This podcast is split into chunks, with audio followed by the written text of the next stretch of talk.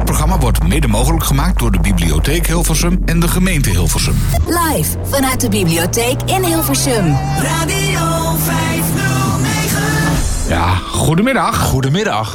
Welkom vanuit de huiskamer van Hilversum. Zeker. Het is nummer 55. Waar je tot vijf uur eh, van harte welkom om ook Ja. plaats te nemen in ons radiotheater.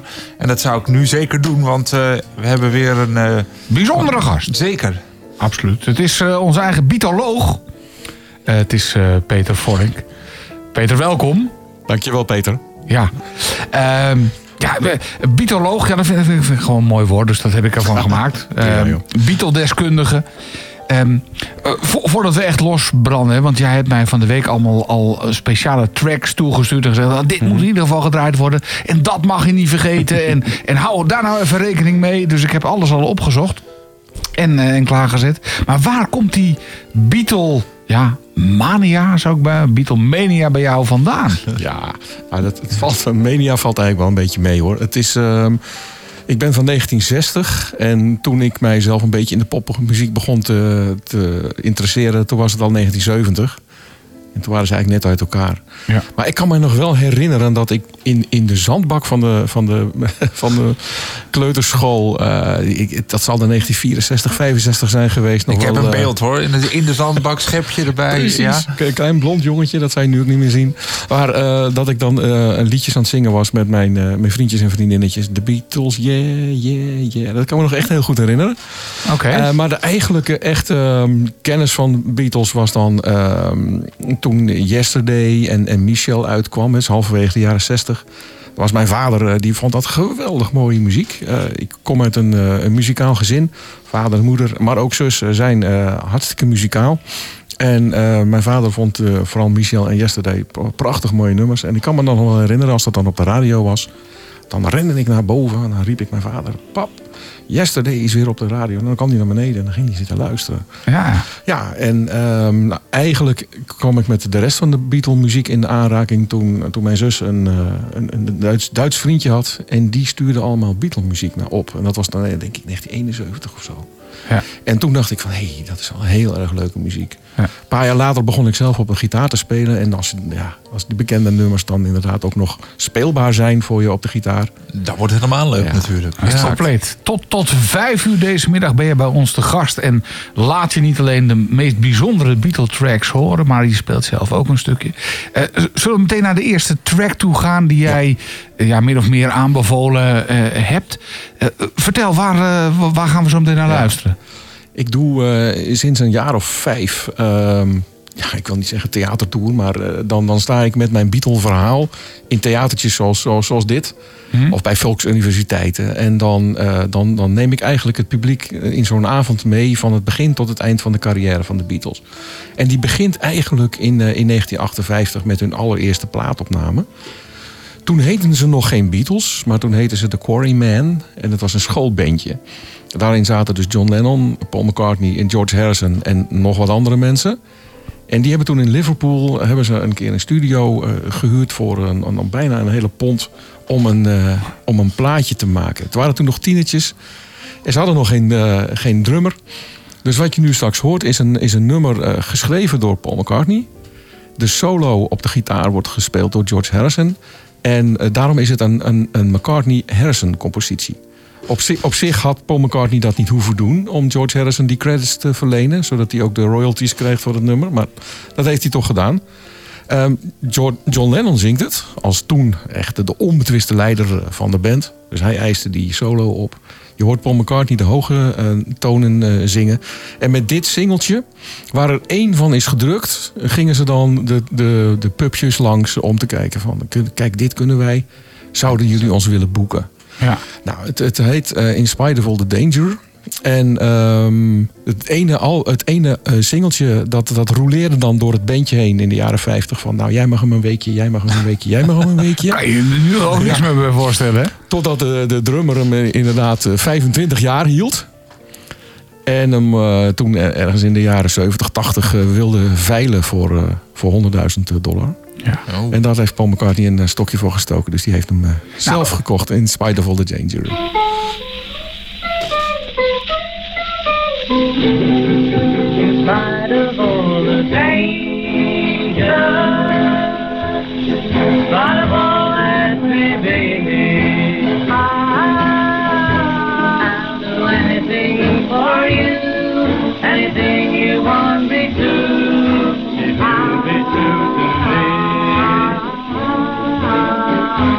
In spite of all the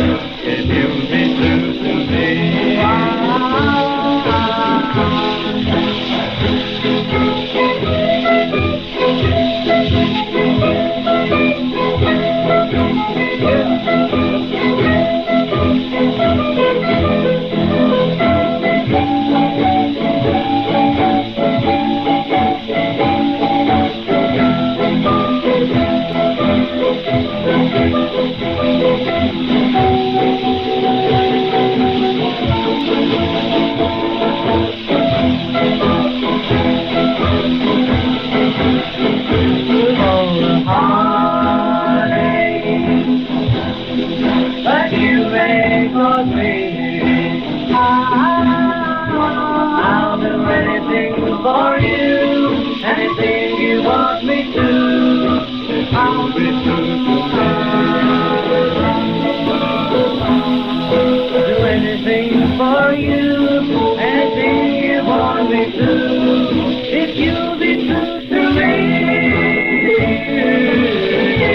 In spite of all the danger. Beatles toen ze eigenlijk officieel nog geen Beatles waren, 1958.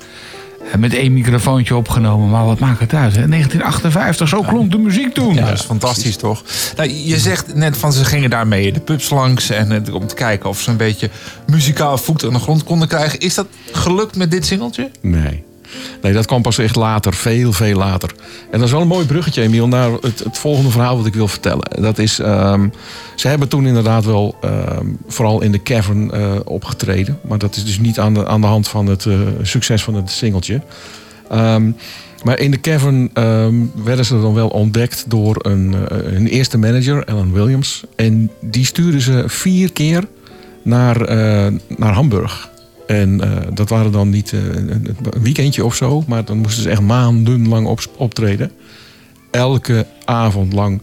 Zes, soms zeven, soms acht uur achter elkaar optreden. Een beetje slavenarbeid, zo hè? klinkt het wel, ja.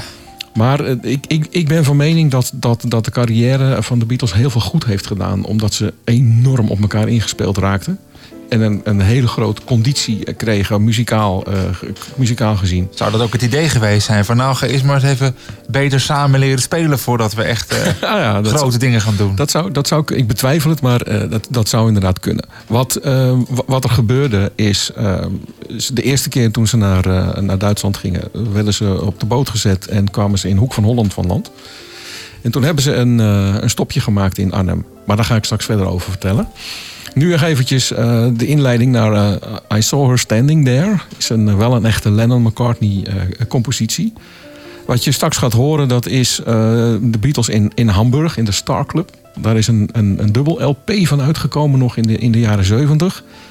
En ehm daar heeft iemand toen in, dat, in, in, in die Star Club een, een bandrecordertje aangezet. En die heeft ja, daarna heel, heel veel geld mee verdiend.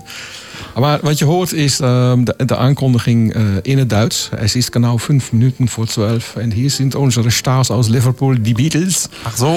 ja, Jawohl. En, eh, en daarna beginnen de Beatles dus te spelen met eh, I Saw Her Standing There.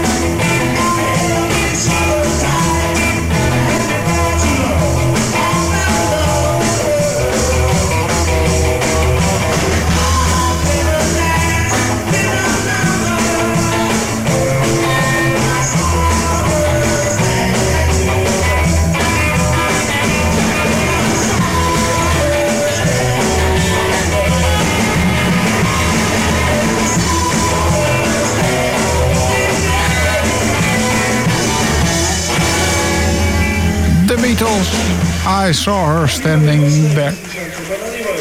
Ah, het wordt toch nog even door onze Duitse eh, man, of tenminste, wat is het? Eh, showman wordt het even aangekondigd of afgekondigd, eigenlijk. Ja, ja, dat klopt. Radio 509 live vanuit de bibliotheek in Hilversum. De huiskamer van Hilversum officieel. Ik eh, ben hier onder andere met Emiel Cornelissen en onze bietoloog Peter Vorink. We gaan het de hele middag eigenlijk over de Beatles hebben. Gewoon omdat het lekker is en gewoon omdat het kan ook. Hè? Precies, Ik bedoel, dus da- daarom doen wij dat. En als je nog aan wil schuiven, dat het kan, kom even langs. Graaflandseweg 55 in, eh, in Hilversum. Een kopje koffie kun je, kun je krijgen of een colaatje of weet ik wat. Nou, in ieder geval, eh, je kunt in het radiotheater plaatsnemen. En dan hoor je ook alles over de Beatles. Of ja, blijf lekker thuis door de regen. En luister gewoon naar de radio. Dat kan ook. Eh, Peter, nog eventjes. Hè. Eh, we zijn blijven hangen in, in, de, in de periode dat ze in Duitsland waren. En Klopt. daar dus echt gewoon als een soort slaven gebruikt werden Ja. bijna, de Beatles. Ja, dat, dat, dat klopt inderdaad. Ja. De, eerste, de eerste verblijf wat ze daar hadden, toen, eh, toen hadden ze een, eh, een, een, een ruimte achter een, een, een, scherm van een, van een filmzaal. Waar ze moesten slapen, Oké. terwijl de film draaide. Oh, dat is ook Dus- lekker.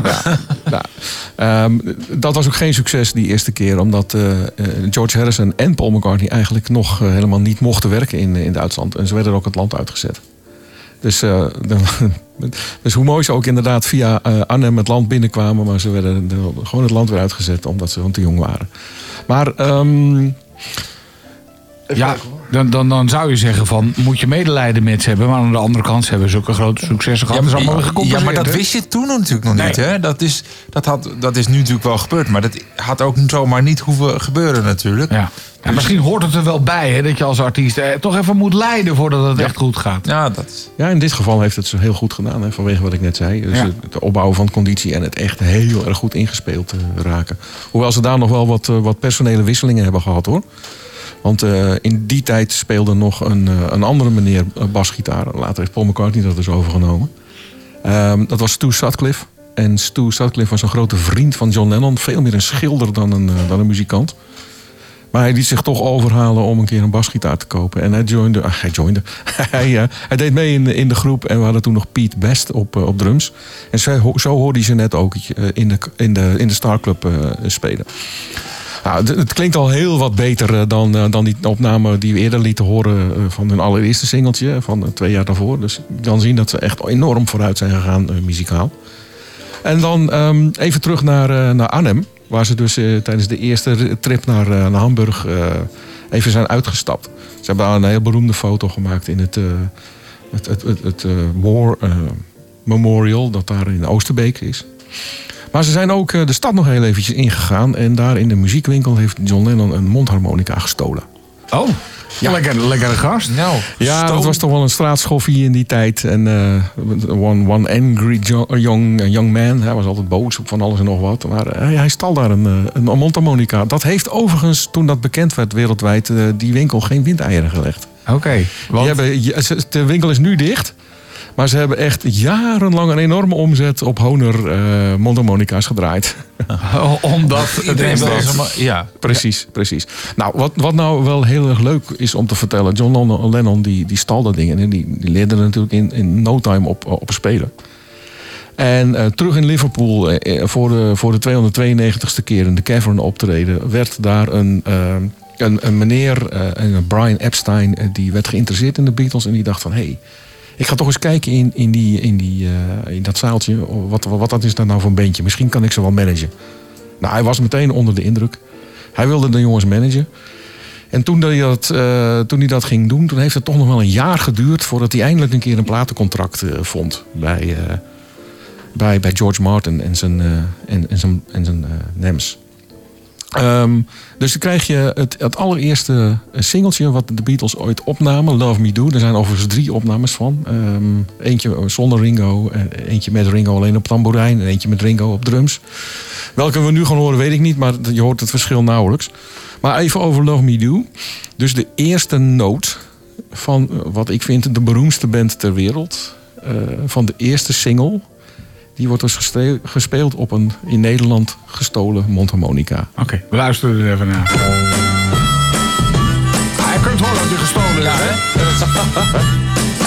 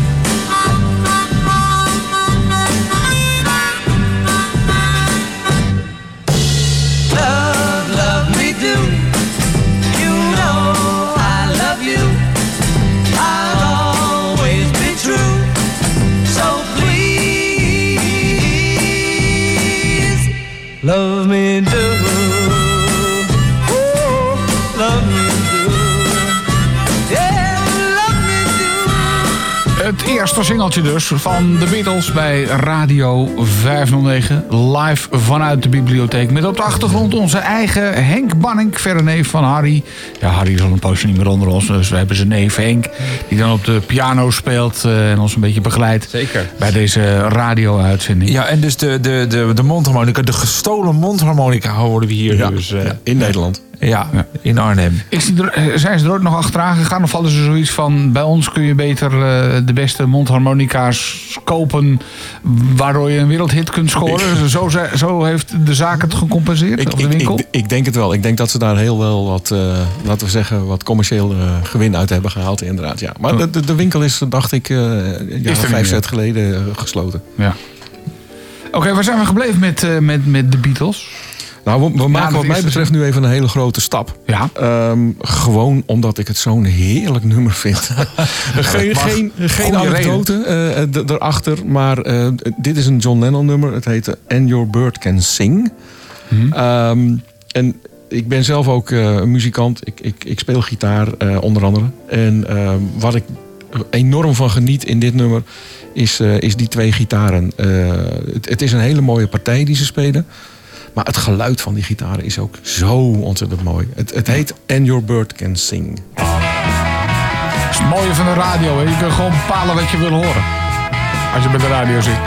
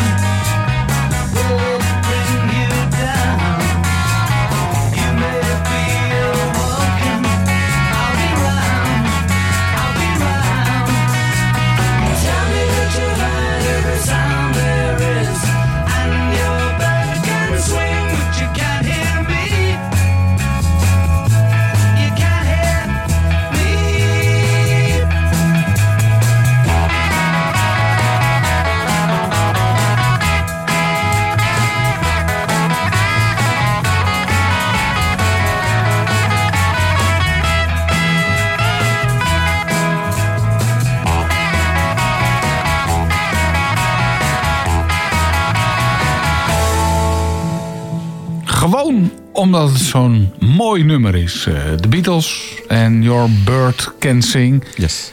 Ja, je hebt hem eh, uitgekozen. Je zei het net al van... eh, ja, er zitten twee mooie gitaarstukjes in... omdat je zelf ook muzikant Ja, bent. Eh, wa- waar, eh, waar kunnen we jou bewonderen op door de weekse dagen? En in het weekend?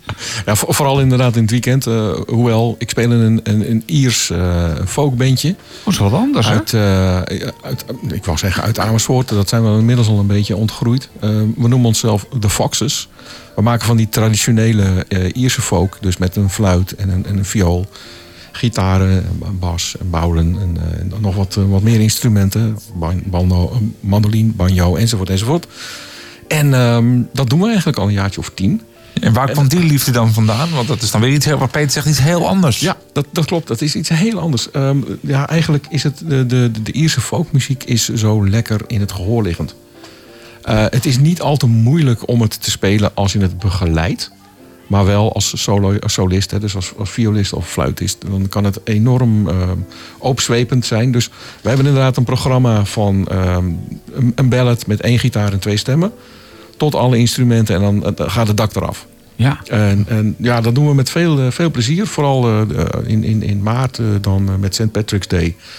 Dat wordt toch binnen Nederland steeds eh, ja, populairder. En ja, we spelen ik over wou vijf, zes zeggen, keer of zo. moet je daar niet voor naar New York, hè? Want daar, daar vieren ze het heel uitgebreid. Ja, dan wordt ja, alles in het groen gestoken en zo. ja, en, eh, dat wordt steeds, eh, op de een of andere manier steeds populairder. Maar, maar ook in Nederland. Want ik denk dat we wel vijf, zes keer spelen zo'n, eh, rond, dat, rond dat weekend. Want wat is St. Patrick's Day precies? Ja, ik weet toevallig, ik, ik was een keer in New York rond die tijd. Ja. Toen dacht ik, wat zijn ze hier aan het doen? En toen was dat St. Patrick's Day. Oh, dat zal wel St. Patrick's Day. nee, dit is echt, echt vanuit van het Ierse, ja, ik wil niet zeggen mythologie, maar meer, meer de geschiedenis.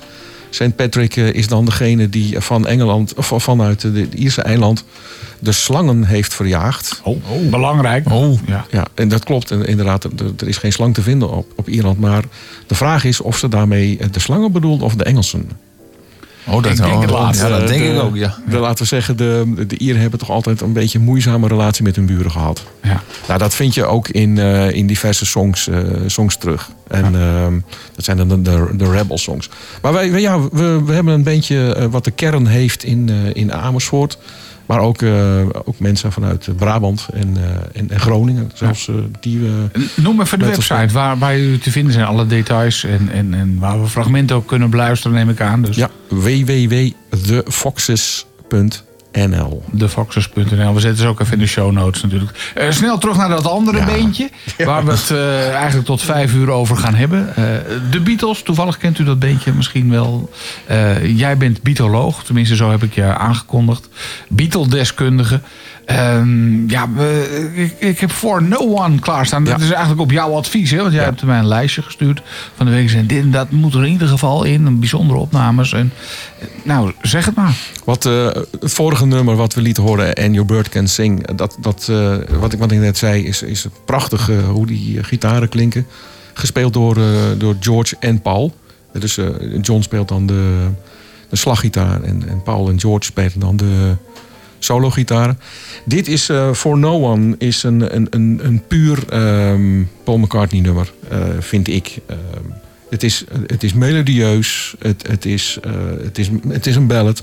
Maar hij is zo ontzettend mooi. Ik kan hem, ik kan hem, ik kan hem honderd keer per dag horen, dit, dit nummer. En er zit ook een hele mooie solo in. Het is Paul McCartney, For No One. En ehm, richting zijn eh, vriendinnetje van, eh, van die tijd, Jane Asher. Your day breaks, your mind aches. You find that all her words of kindness linger on when she no longer needs you. She wakes up, she makes up, she takes her time and doesn't feel she has to hurry. She no longer needs you. And in her eyes, you see nothing. No sign of love behind the tears cried for no one. A love that should have lasted years. You want her, you need her, and yet you don't believe her when she says her love is dead. You think she needs you.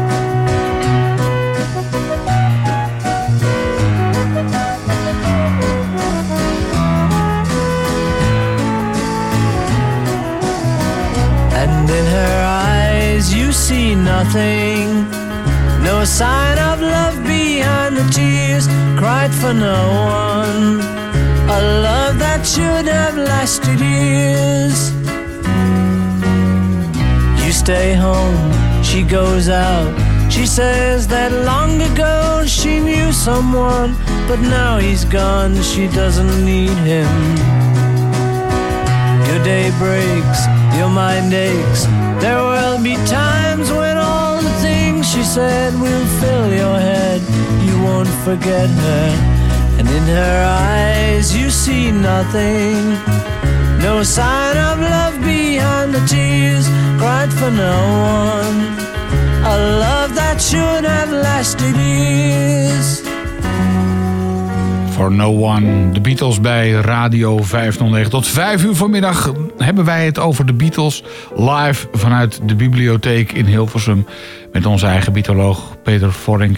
En er is eh, van, ja, we, we hebben nog meer Beatle-mannen ook bij Radio 509. Onder andere eh, Dick Bakker.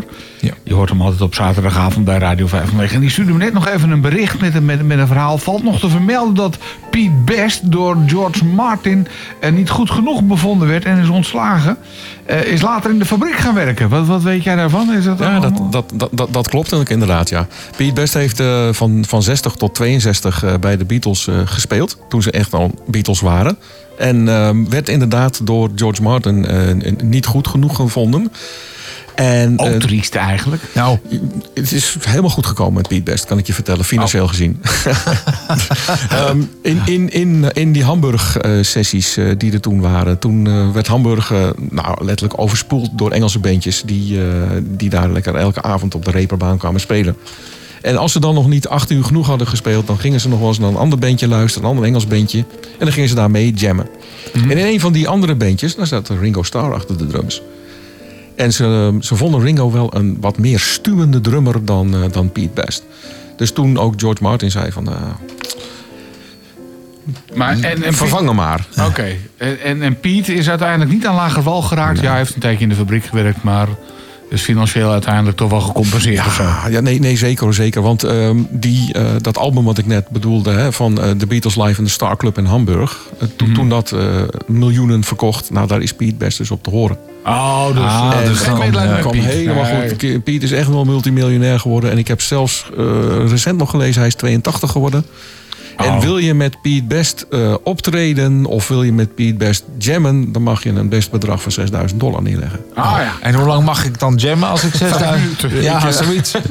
Dat weet ik niet precies, maar eh, het, het, gaat hem, het gaat hem goed. Hij, eh, hij, hij is nog gezond, hij is 82 en eh, dus Ja. hij heeft geen klagen. Nee. Oké. Het was toen natuurlijk even een heel, heel, hele zure appel. Ja. Dat, eh, ja, dat kan ik me op dat moment wel voorstellen. Ja, dat je dan gewoon ook gewoon tegen je gezegd wordt: sorry, je bent eigenlijk gewoon niet goed genoeg. Misschien niet in die woorden, maar daar kwam het natuurlijk wel op neer.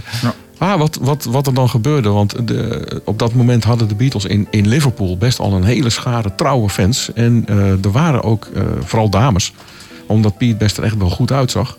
eh, die waren heel, heel erg boos op de rest van de Beatles. Van, eh, joh, wat hebben jullie nu gedaan? Pete Best uit de band gezet. Ehm, er ging een protestmars door Liverpool heen. Oh ja. Compleet met, eh, met borden We Want Pete. En eh, eh, Ringo eh willen we Hopeloos. niet. En George Harrison heeft nog een keer een blauw oog eh, opgelopen door, eh, door een boze Peace Best fan. Oh, dat, oh, wauw. dat soort dingen gebeurden ook nog in die tijd. Ja. Ja, ja, ja, ja, zeker. Maar goed, Ringo is wat dat betreft op het juiste moment ingestapt. Ja. Ehm, ik, ik- ik heb nu eh, I Feel Fine eh, klaarstaan op, op jouw aanraden. Eh, Ja. Kun je daar iets bij vertellen? Of zeg je ook gewoon van nou, dit een lekker nummer? Nee, ik vertel, ik vertel een, een leuke anekdote. Dat doe ik ook als ik voor, mijn, voor- een publiek sta om, om een hele avond over de Beatles te praten. En dan is dit al een van de, een van de items die ik graag doe. Omdat ik dan even een gitaar ter hand neem. I Feel Fine heeft dat, eh, dat hele bijzondere intro. Een beetje zo'n zo'n eh, scheerapparaat eh, geluid. En dan begint het, het, het loopje.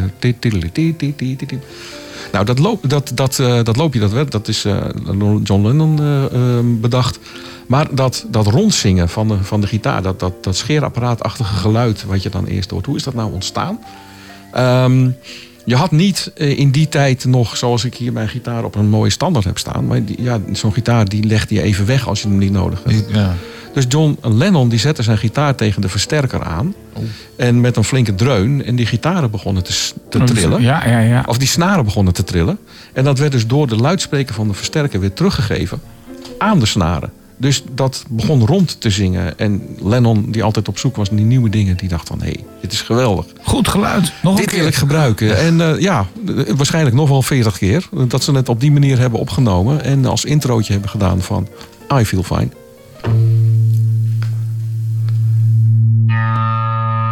Ah, dit, dit. Ja, nou, hoor. Ja,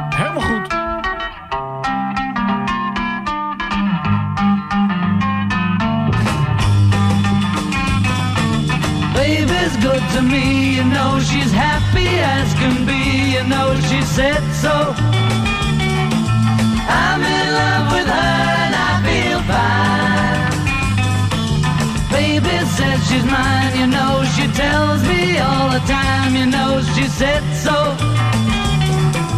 I'm in love with her and I feel fine. I'm so glad so glad she's telling all the world that her baby buys the things you know. He buys the diamond rings, you know. She said so. She's in love with me and I feel fine.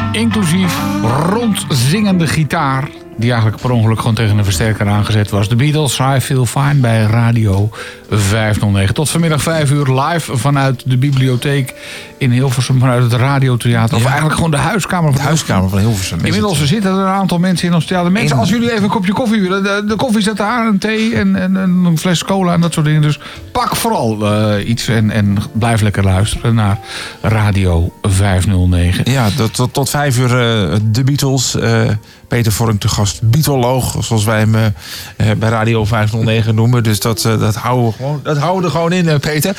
Ehm, wat, wat is de volgende stap die we gaan zetten in het leven slash carrière van de Beatles? Ja.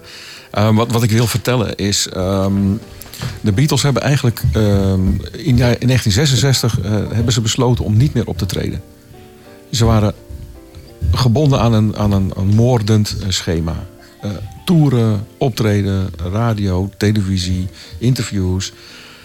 En af en toe moesten ze dan nog een plaat maken. Want ze moesten contractueel twee per jaar maken. En ze hadden eigenlijk nergens tijd voor. Ze hadden geen tijd meer om, om eigenlijk muziek te schrijven. Ja. Daar hadden ze eigenlijk te weinig tijd voor. Dus wat deden ze dan als ze toch een plaat moesten uitbrengen, twee per jaar, en ze hadden eigenlijk niet genoeg geschreven, dan putten ze uit het, eh, het goede oude Hamburg-arsenaal. Want die nummers die kenden ze natuurlijk door en door en door en door. Eén van die nummers is Long Tall Sally van Little Richard. Dat is een, een, een, eh, een, een nummer van Little Richard uit, eh, uit 57. Die hij had geschreven vanwege het, wilde karakter eh, wat, het, eh, wat het had. Hij zei, ik wil een nummer schrijven wat ik eigenlijk bijna zelf niet kan zingen. Nou, eh, dat, dat lukte hem best hoor. Maar ehm, de Beatles hebben dit nummer altijd, zelfs tot op het laatste nummer van hun laatste betaalde optreden in Candlestick Park, San Francisco 1966, hebben ze dit nog gespeeld. Dus het allerlaatste nummer wat ze betaald hebben geschreven was dit nummer. Maar jullie speciale aandacht voor de, de, de zang van Paul McCartney, die echt letterlijk en figuurlijk adembenemend is.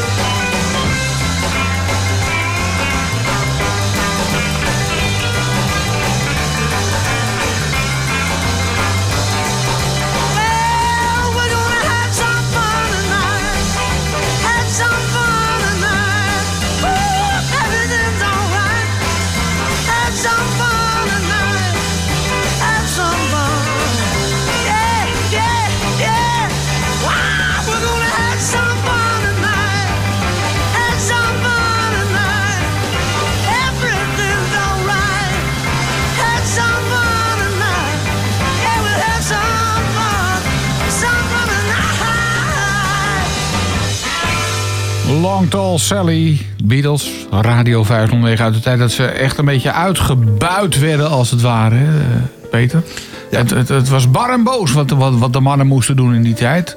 Zo erg dat ze op een gegeven moment zoiets hadden van, nou jongens, eh, zoek het lekker uit, wij stoppen ermee. Klopt. En ze stopten met, eh, met, met optreden. Want ze, ze hadden gewoon niet de kans om zichzelf te ontplooien tot wat ze voelden dat ze in zich hadden. En eh, dus in augustus 68, eh, sorry, 66 hebben ze gezegd: that's it. Geen optredens meer. We gaan eerst eens even een rustige periode in.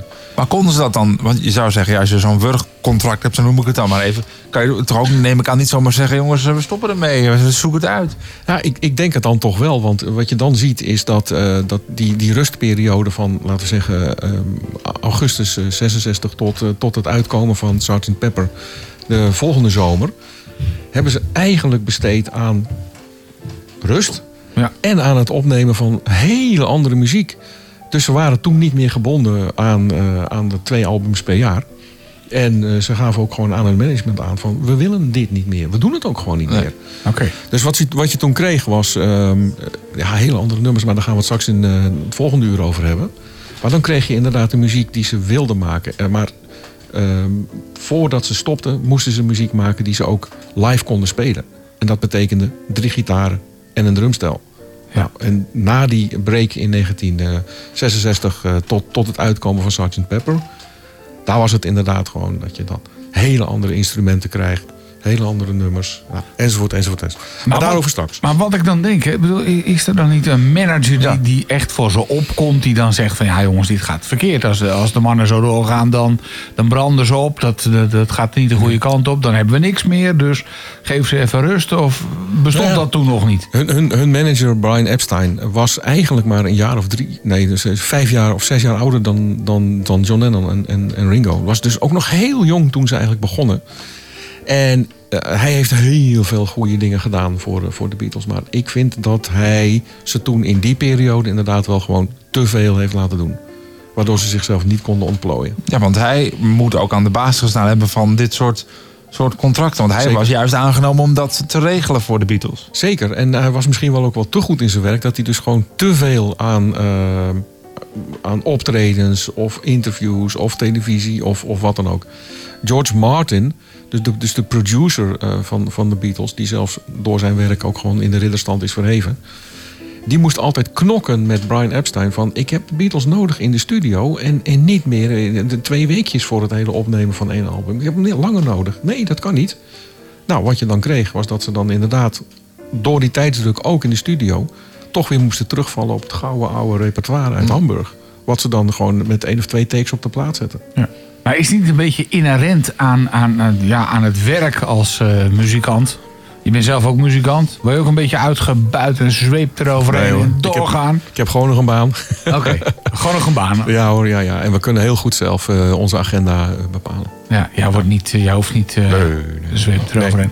Nee, maar je zou zeggen aan de andere kant, als het dan zo goed gaat, als je dan zo druk bent, dan verdienen ze natuurlijk handenvol met geld, die Ja. mannen. Ja, ja. Deden ze destijds. Zeker, zeker. Ehm, George Harrison eh, heeft als componist ook een, een, een, prima nummer over geschreven. Dat heet Taxman. I am the Taxman. Eh, Dus eh, dan, dan vertelt hij dus als hij dus eh, de belastinginner is. En dan zegt hij ook van there's 19 for me and one for you. Ja. Dat betekent dat de Beatles dus inderdaad gewoon 95% belasting betaalden. Jeetje. Dat, dat is nog eens een hoog tarief. Nou, dat kan. Maar was dat gewoon dat echt, ja, omdat ze gewoon zoveel verdienden dat Klopt. tarief bestond al? Of dat is het de zogenaamde Beatle-tekst geworden? dat ze dachten in Engeland van, hé, wacht even, dat kunnen wij ook nog even. Nee, ik, ik, ik denk dat het belastingsschijf al, al bestond. Maar eh, met, met 95% belasting konden ze toch nog redelijk royaal leven hoor. Oké, ik, ik zou tijd, ik heb, ja. hem, ik heb hem gevonden. Zullen we gewoon even luisteren? Ik wil er nog even één eh, anekdote bij vinden. Eh, ja, Ja. hartstikke goed. Dus het, het is geschreven door George Harrison. George Harrison is de, de solo-gitarist van, van de Beatles. Maar hij kon zijn eigen solo niet spelen. Oké. Dus wat deed Paul McCartney? Geef mij die gitaar eens. Hij draaide hem andersom. En hij speelde in één keer die solo die George Harrison in zijn eigen nummer dus niet kon spelen. One, two, three, four. One, two. Let me tell you how it will be. There's one for you,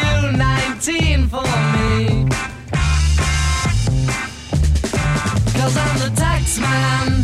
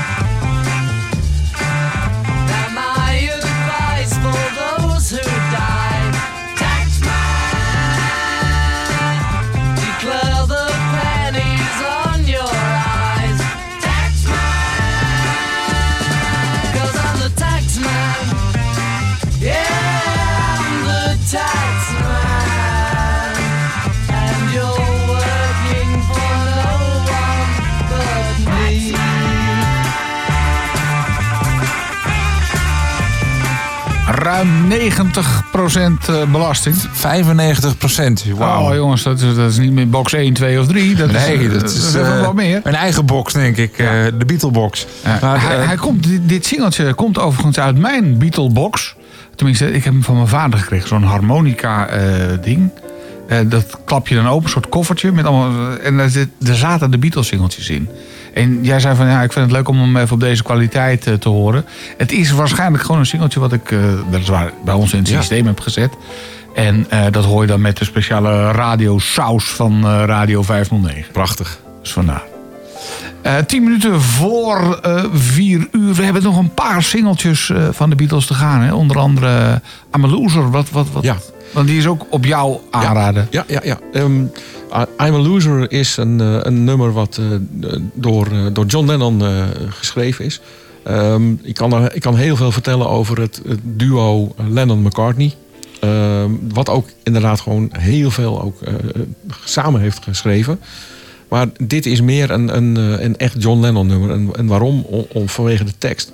Je komt naarmate dus de, de jaren verstreken, dus de jaren 65, 66, dan merkte je toch wel dat John Lennon wat duistere teksten ging schrijven. Waaronder I'm a Loser. Wat het inderdaad gewoon moeite met zichzelf eh, begon te hebben. Het nummer wat we hierna laten horen, Help, is daar helemaal een voorbeeld van. Want het is echt een, een schreeuw om help. Maar nu even ehm, I'm a Loser, omdat die, die tekst eh, op dat moment ook echt een beetje op zichzelf eh, sloeg. I'm a loser. I'm a loser. And I'm not what I appear to be. Of all the love I have won or have lost, there is one love I should never have crossed. She was a girl in a million, my friend. I should have known she would win in the end. I'm a loser, and I lost someone who's near to me. I'm a loser, and I'm not what I appear to be. Although I laugh and I act like a clown, beneath this mask I am wearing a frown. My tears are falling like rain from the sky. Is it for her or myself that I cry? I'm a loser, someone who's near to me. I'm a loser, and I'm not what I appear to be.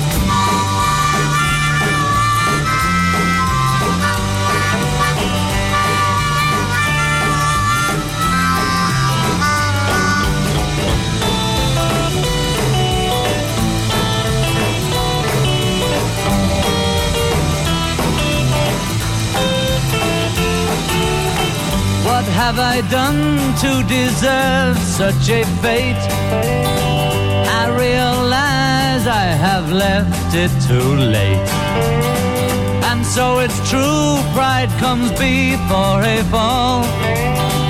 I'm telling you so that you won't lose all. I'm a loser, and I lost someone who's near to me. I'm a loser, and I'm not what Appear to be.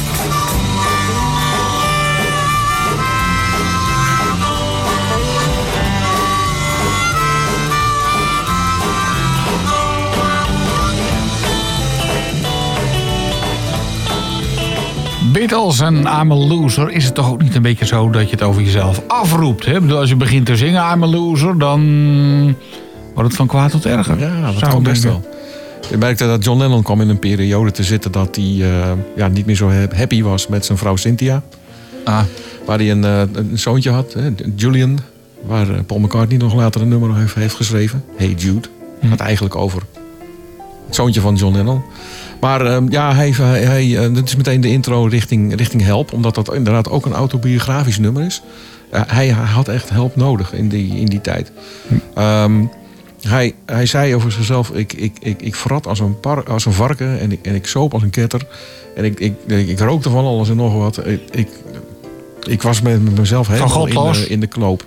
ja, dat, eh, zou dat dan ook weer komen door die, nou ja, bijna je zou zeggen, die grote hoge werkdruk die ze misschien, die ze inderdaad eh, ervaren van ja, we moeten dit en we moeten van alles en ik weet het eigenlijk allemaal niet en we willen wat anders, maar dat kan niet. Ja, dat, dat, dat zou heel goed kunnen. Maar hij vond dan toch nog de tijd om twee kleine boekjes te schrijven. Oké. In, die, in die tijd. In his own right. En eh, A Spaniard at, at the Works. Ehm, ik heb ze wel eens uit de bibliotheek gehaald hier. Oh, Ja. zijn je gewoon... Ja, maar dat, maar dat is dan al, eh, denk ik, eh, begin jaren tachtig geweest... dat ik ze hier uit de bibliotheek haalde. Dus ik weet niet of ze nog steeds in dat assortiment zitten. Maar, We vragen het zo even aan Jacqueline. Ja, Jacqueline, ja. moeten, hè, ja. Ja. En eh, dat zijn twee, ja, twee, twee boekjes met hele korte tekstjes... en heel veel krabbeltjes, tekeningetjes en zo. Maar goed, daar had hij dan ook nog wel tijd voor.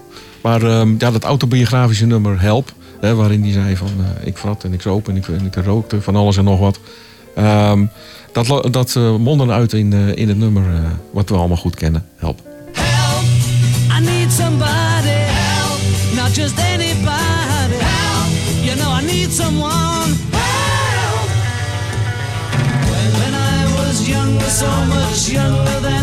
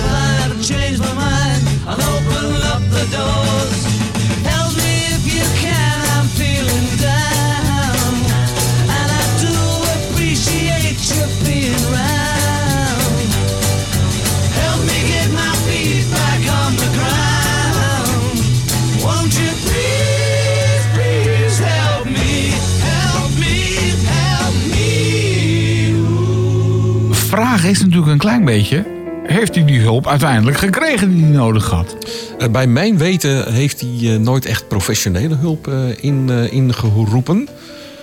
Maar hij heeft wel ehm, in, in de periode dat ze toen stopten met toeren... Toen, eh, toen heeft hij wel de tijd voor zichzelf genomen. Live vanuit de bibliotheek, Schravenlandsweg 55. Als je nog bij ons langs wil komen, want dat kan. In het eh, radiotheater, de huiskamer van Hilversum. Kom even een kopje koffie eh, drinken of... eh, Een colaatje of thee. ja, of, en kom gewoon luisteren. Want we hebben vandaag een, toch wel een hele bijzondere gast. Eh, ik, ik, ik ben geneigd om te zeggen onze bietoloog. Je bent natuurlijk niet van ons, maar goed, je, je bent wel Beatle-deskundige. Eh, ik heb het over eh, Peter Vorink. Nogmaals welkom. Je zit ook met een t-shirt aan van de Beatles. Ja, die had ik toevallig aan. Ja, heel toevallig. Ehm, waar, waar zijn we gebleven in het verhaal? Nou, het, het verhaal vorig, vorig uur eindigde eigenlijk al, al twee keer hoor. Met, met het, het stoppen van, van het tournee. En het nemen van rust. En eh, het kunnen schrijven van muziek. En het kunnen eh, opnemen van muziek die ze eigenlijk al een tijdje niet konden doen. Dus ze eh, begonnen steeds meer gebruik te maken van toetsen. eh, van strijkers of eh, wat, wat Indiaanse instrumenten onder leiding van George Harrison. Dus eh, de muziek werd heel anders. En het, het uitbrengen van het album eh Sgt. Pepper's Lonely Hearts Club Band... dat was ook een revolutie in de, in de popmuziek. Eh, andere muzikanten wisten niet wat ze hoorden. Want het was tot, tot dan toe eigenlijk nog maar steeds de, de gitaren en de bas... en zo die de boventoon eh voerden. En als je dan inderdaad luistert naar eh, de, de, de single die voor ehm, Sgt. Pepper uitkwam... single ehm, Strawberry Fields en, ehm, en Penny Lane... Ja, dan merk je ineens dat er een heel andere muziekrichting wordt ingeslagen door de Beatles. En de rest volgde. Ehm, maar wat ik nu wil, eh, wil vertellen is... ehm, er, is een, er is een nummer eh, wat een heel bijzonder nummer is. En eh, ik hoor daar bijna nooit iemand over. Je hoort het ook nooit op de radio. Maar het is wel een puur Beatles nummer. Het heet Flying. En waarom is dat nou zo bijzonder? Omdat het door alle vier de Beatles geschreven is. Dus niet alleen door Oh. McCartney, niet alleen door George, niet alleen door Ringo, maar door Lennon, McCartney, Harrison en Starr. Die schreven het met z'n vieren. En waarom is het nou nog meer zo bijzonder?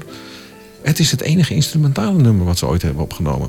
Eh, geschreven? Eh, dan is het toch niet geschreven? Dan is het gewoon, eh, we spelen Ja. een leuk stukje. Ja, klopt, maar ja, dan, dan, dan schrijf je de muziek. Ah, ja. dus eh, dus het, is, het, het, het heet, het heet Flying en het is instrumentaal.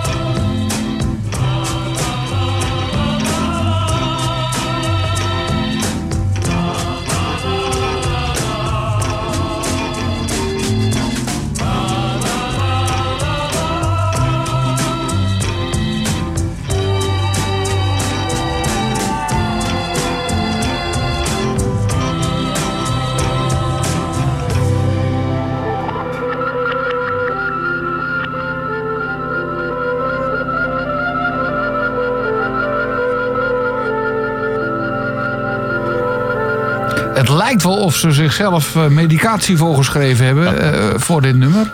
Of iets, iets van drank of zo. Dat zou best kunnen, inderdaad. Want eh, in die tijd was het heel normaal om eh, LSD te nemen. Ja. Dus eh, het zou best kunnen hoor. Want er gaan inderdaad verhalen dat, eh, dat ze inderdaad in de studio toch wel eens wat onder invloed eh, hebben opgenomen. Dat eh, zal best, ja. Bijvoorbeeld. Als je eh, lange dagen hebt, op een gegeven moment denk ik moet ik nog even hè, over, over eh, zelfhulpmedicatie misschien gesproken. Misschien een klein beetje ja, hulp. hulp. Ja, ja dat, dat klopt. Ehm, het, het volgende nummer wat op de lijst staat... is eigenlijk ook weer eentje met een hele korte aankondiging. Maar het, het heet eh, Hey Bulldog. Het is een, eh, een, een, een nummer wat eigenlijk eh, door John Lennon eh, puur alleen geschreven is. Ehm, wat, wat er hier aan bijzonder is... ehm, er zijn filmopnames gemaakt toen in, eh, in de studio... van hoe ze dit nummer aan het opnemen eh, zijn. En dat zijn eigenlijk de laatste filmopnames... dat zij alleen in de studio waren. De opnames die ze daarna maakten... was altijd een Yoko Ono in de studio aanwezig. Ja, was een Altijd. vervelende Altijd. vrouw, heb ik wel eens eh, begrepen. Ja, ehm, John was eh, enorm eh, onder de indruk van haar. En ehm, hij zette op een gegeven moment ook, en dat heeft hij ook letterlijk verteld later nog eens een keer. Hij zette op, vanaf het moment dat hij Yoko la- liet, leerde kennen, eh, zette hij de Beatles op nummer twee. Dus hij was eerst echtgenoot of vriend van Yoko. En daarna kwamen de Beatles pas. Ja, dat, dat, moet, tenminste, ik, dat, dat moet voor de rest toch ook iets betekenen. Volgens mij vonden ze het niet echt heel erg leuk dat zij er altijd bij was. Ze was er altijd bij. En zelfs eh, John en Yoko en, en, en zijn zoontje Sean hebben een keer in eh, Schotland een, eh, een, een auto-ongeluk gehad. Ehm, daar hebben ze ook voor in het ziekenhuis gelegen. En John moest dan al vrij snel weer, eh, weer opnames maken. Dat was hij toen in staat, alleen Yoko nog niet. Maar dan liet John een, een ziekenhuisbed in de studio rollen. En daar Oh. kreeg eh, Yoko plaats. En er werd een microfoon vanuit het plafond naar beneden gehaald. Zodat zij ook commentaar kon geven op hetgene in de studio gebeurde. Oh, dat, moet, dat is toch... Oh, ik- Dat ik- lijkt me toch echt... eh, ja, ook, als, je nou, als je nou toch een van de andere drie bent... dat je denkt, kan, kan zij niet even weg? Kan zij gewoon niet even iets anders gaan doen? Ja, dat kon niet, want ze lag in het ziekenhuisbed, maar bij wijze van spreken... Ja, Ja. Ze, ze waren onafscheidelijk, eh, die twee. Met En, terugwerkende kracht krijg ik een jeuk van. Ja. Ja, het- volgens mij kan het ook nooit eh, gezond zijn, hoor. Om, eh, Ja, goed, maar het nummer eh, Hey Bulldog is een, is een fantastisch eh, John Lennon nummer. eh, geschreven aan de piano, dat kan je dan ook horen. Het is een heel ander nummer dan, dan een John Lennon gitaarnummer. Eh, de akkoorden liggen wat lastiger en eh, er zitten hele mooie overgangen in. Dat doet hij niet als hij gitaarnummers schrijft, maar eh, dit, eh, dit, nummer, dit nummer wel. En het, even let op, het, het einde is geïmproviseerd. Hey Bulldog. En dan beginnen John en Paul, die dan samen achter de microfoon staan, uiteindelijk ook improviserend te blaffen aan het eind.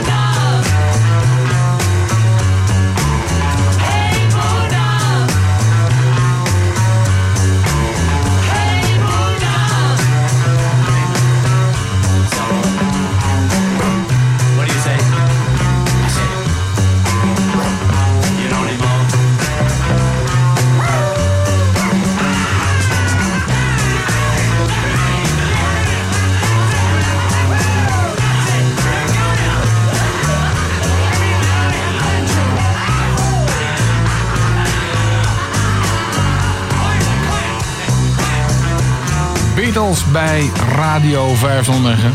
Hey Bulldog. En eh, Emilia zei het al, hè? had wel een vermoeden wie die Bulldog... Ja, ik eh, denk, ik denk dat de andere drie Beatles wel geweten, dachten van nou, ik weet, wij weten al wie die Bulldog is. Als je, naar aanleiding van het verhaal dat eh, Peter zojuist vertelde over het feit dat Yoko Ono altijd aanwezig was. Ik, ik volgens mij, ik zou denken, Ik, heb er het een en het ander ook over gehoord, eh, nog voordat jij hier was, eh, Peter. Maar ehm, nu begrijp ik des te meer waarom ze uiteindelijk uit elkaar gegaan zijn. Volgens mij, met, met zo'n vrouw erbij, daar word je helemaal, helemaal kriegel van, joh. Ja, het, het schijnt dat eh, George Harrison een keer recht in haar gezicht heeft gezegd van je bent een, een vrouw die slecht invloeden verspreidt. Ehm, er is vorig jaar, dacht ik, een, een, lange documentaire uitgekomen eh, over het maken van het, Let It Be eh, album. Eh, daar hebben ze honderden uren filmmateriaal geschoten terwijl de Beatles aan het opnemen zijn. Dan zie je dus inderdaad altijd Yoko Ono in de studio zitten. Of ze zitten een boekje te lezen of een truitje te breien of wat dan ook. Maar had zij ook, want er nog zitten is dan misschien één. Maar zij, had, zij had- mocht toch ook gewoon commentaar geven op Ja. dingen die daar gebeurden. Dus dan, dan is het niet meer een boekje lezen of een trui breien. Nee, dan is het echt zeggen van ik vind dit... Dat lijkt me toch echt, ja... Maar ze hadden het, ze hadden het wel natuurlijk tegen, tegen, tegen ja, de beroemdste band eh, ter- wereld op dat moment. Maar ehm, wat er in die documentaire eh, naar voren komt, is dat ja, ze eigenlijk helemaal niet zo irritant eh, was als wat wij, wij denken. Maar dat kan natuurlijk ook zijn hoe de regisseur het eh, heeft eh, gemonteerd. Hè? Maar dat zeggen we, het is natuurlijk... Je, nou, je ziet nog steeds niet alles, denk ik. Gewoon het feit dat iemand er altijd bij is, gewoon Ja. aanwezig is. Dat lijkt me... Ja. Ja, En schouder aan schouder met, eh, met haar vriendje en John, John Lennon. Hoor. ja. Ja. Ja dat zou bij, bij, bij Radio 509 zou dat fataal zijn. Ja, bedoel, eh, Altijd maar bij elkaar pff, Ja, nou... Emiel, ik vind je vrouw echt heel aardig, maar laat hem maar thuis. Ja, dat, ja ik, op een gegeven moment... eh, ik denk dat zij dat op een gegeven moment ook denkt, hoor. Van ik ga naar huis, zoek het uit. Oké, kwart over vier, Radio 509. We praten tot vijf uur vanuit de bibliotheek. Vanuit de huiskamer van Hilversum. Eigenlijk het radiotheater praten we met eh, Peter Vorink. Hij is onze Beatle-deskundige. Of onze Beatle... Hij is Beatle-deskundige. Beatoloog noemen we hem ook wel. En ja, we hebben heel veel te bespreken. Over de Beatles kun je natuurlijk echt gewoon... Eh, weken blijven praten. Ja. Dus eh, Ja, zeker. zeker. Ehm, ik, ik doe dit ook regelmatig in het, in het, eh, in het hele land inmiddels. Hè. Dan sta ik een avondje te vertellen over de Beatles. En dan dit soort anekdotes, die, die, die komen dan langs. En dan heb ik nog wat aanvullingen door, door wat, wat beeldmateriaal... Wat je, wat je dan, als je vindt op, op internet, wat, wat verder zoekt... dan kom je ook nog wel wat apartere opnames tegen. Vooral eh, live, live opnames van... Ja, eh, ja, en daarvan hebben we er zo meteen nog een paar. Maar wat is dat toch dat anno nu, want ja, de Beatles we bestaan al een poosje niet meer. hè? Nee, dat klopt. Eh, wat is dat toch dat dat nog steeds, ja, beklijft? Of tenminste, dat, laat ik het anders stellen. Wat voor mensen zitten er bij jou in de zaal? Nou, dat is eigenlijk, ben ik, met mijn, mijn 63 jaar ben ik meestal wel de jongste.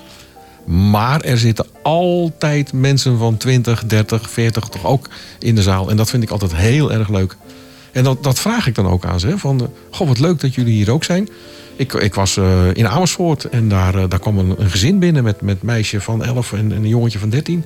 Dus ik stap erop af. Ik zeg, joh, wat, wat leuk. eh, wat, wat komen jullie doen? Nou, we komen net terug uit Liverpool. Dus eh, ik zeg, jullie zijn echte Beatles-fan. Ja, maar dat hebben we dan van onze ouders eh, geleerd. Maar ik kijk dus naar die vader en moeder. En die waren ook nou, halverwege de, Beatles- 40 of zo. En de- die hadden het dan weer van hun ouders. Hè? Ja. Dus het gaat gewoon van generatie op generatie door. En het is toch de magie van de muziek, denk ik. Dus eigenlijk is het gewoon klassieke muziek. Ja, als je het zo klassiek wil omschrijven. Ja, als klassiek is tijdloos is, dan denk ik inderdaad over 40 jaar dit soort muziek nog steeds te draaien. Ja. Daar ben ik van overtuigd. En wat ze dan met eh, artificial intelligence nog Nou ja, weten te wel bereiken. dat Want hebben dat is, dat is natuurlijk, daar wou ik het ook nog wel even over hebben. Natuurlijk over eh, nieuwe, nieuwe mensen, nieuwe doelgroepen bereiken. Dan komt er toch nog een soort van, tussen aanhalingstekens, nieuw. Dat wordt dan nog gezegd, het is een nieuw nummer. Is het natuurlijk niet, want het is al lang opgenomen. Alleen het is als demo en opgepoetst, noem ik het maar even, met artificial intelligence. Wat vind je daar dan van? Is dat, is dat, is, zijn het dan nog steeds de Beatles? Ja, ja dat, is, dat is zeker zo hoor. En eh, ik kijk even naar Peter van wat mij betreft. Zet hem, nu in hoor. eh, nou en dan. Maar dan vertel ik nog eventjes eh, waar, het, waar het over gaat. Het, Emiel bedoelt dus dat John Lennon heeft in, in- in begin jaren 70 heeft hij een, een cassette op zijn piano neergezet. En heeft daar een, drietal nummers opgenomen, waaronder Now and Then. Ehm, wat je hoort is een, is een, is een piano en, en John Lennon die dan, die dan zingt. Punt. punt. Ehm, alleen, eh, het, de kwaliteit was gewoon eh, niet best. Toen in 1995, toen leefde George Harrison nog. Eh, die is natuurlijk een paar jaar later overleden. Maar in 1995 hebben de Beatles drie nummers onder eh, drie nummers van John Lennon, die hij in zijn appartement in New York had opgenomen, alleen met de piano, hebben ze hun eigen partijen bijgevoegd. Dat was dan Free as a Bird, Real Love en ook Now and Then. Nou, Free as a Bird en Real Love zijn uitgekomen in 1995 en 1996 eh, als nieuwe Beatle-nummers. En dat is ook zo, want je hoort John, Paul, George en Ringo samen spelen, samen zingen. Alleen Now and Then niet, omdat ze de kwaliteit van dat nummer wat John Lennon heeft opgenomen, dus in New York, te slecht vonden. Toen hebben ze dat AI ingezet, waardoor ze John Lennon's eh, eh, geluid toch wel konden eh, schoonpoetsen met, met allerlei achtergrond. Tools. Tools, ja. ja, Ja, dat- het, het, het- dus je hoorde het misschien wel, stond het raam open en hoor je het verkeer van New York of er stond een, een televisie aan of zo. Dat, dat, dat soort geluid hebben ze allemaal weg kunnen poetsen. Dat kon in 1995 nog niet. Nee. Nou, nu wel. Dus ik, ik kijk nog even, Peter. Ja, ik heb we hem nu- gevonden. Ja. we hebben nu dus de opname zoals John Lennon hem heeft gemaakt in 1972 uit mijn hoofd. We, we luisteren gewoon even wat er gebeurt. Eh, je- bedoelt, eh, want ik heb ze nu allebei klaarstaan tenminste. Eh, de, de, de versie met alleen Lennon op de piano? Die, Of, ja, die, laten we- een klein stukje misschien even. Even, even een klein stukje Ja. horen. Is deze. Nou, het klinkt niet echt best, hè?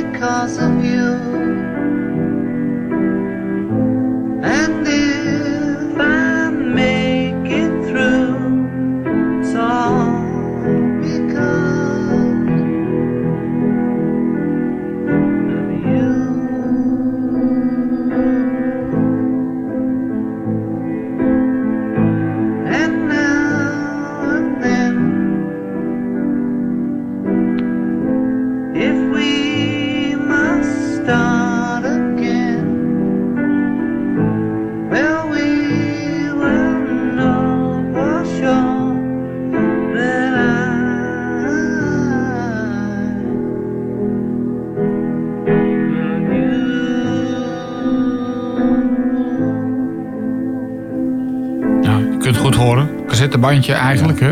Maar ik, ik zit me dat nu zo een beetje voor te stellen. Dat je dus in zijn eentje in dat appartement zit, dat een beetje aan het inspelen. Je zal daar appartement, dus het zal daar niet. eh, er zullen meer mensen gewoond hebben op de een of andere manier. Dat je dus langs loopt en dat je dus ergens achter zo'n deur dit, dit hoort. dus je denkt, huh? En eh, ja, je weet natuurlijk waarschijnlijk wel dat hij daar woont. Ja. Dus lijkt me toch een hele bijzondere ervaring om hem zo bezig te horen muziek maken, denk ik. Ja, dat, dat, dat, dat klopt ook inderdaad hoor. Hij heeft dus die, die drie nummers heeft hij, eh, op dat cassettebandje gezet. En eh, Yoko Ono kwam ze dan eh, jaren na zijn, eh, nadat hij was vermoord tegen en heeft ze aan, aan Paul McCartney gegeven. Die dus die andere twee nummers eh, samen met George en, en Ringo eh, kon uitwerken tot echte Beatle-nummers. Alleen deze dus niet. Nou, deze hebben ze dus opgepoetst met AI. Ja. En ehm, toen zijn, eh, in 1995 hebben ze nog wel eraan gewerkt. Alleen vooral George Harrison zei op dat moment van... nou, Kan niet. nou, dit kan Nee. echt niet. Wat je dus nu wel hoort op de opname die dus eigenlijk vijf weken geleden uitgekomen is... is dat toch nog George Harrison daar gitaar op speelt. En dat Paul en, eh, en Ringo eigenlijk de, de overige vocalen en, en instrumentalen voor hun kiezen nemen. En ja, ik, toen ik het hoorde vijf weken geleden, ja, ik vond het fantastisch eh, mooi nummer. Now and then. Digitaal opgepoetst. Hoor eens. Ja, een stukje beter dan het Nou. cassettebandje. Wat een verschil, hè?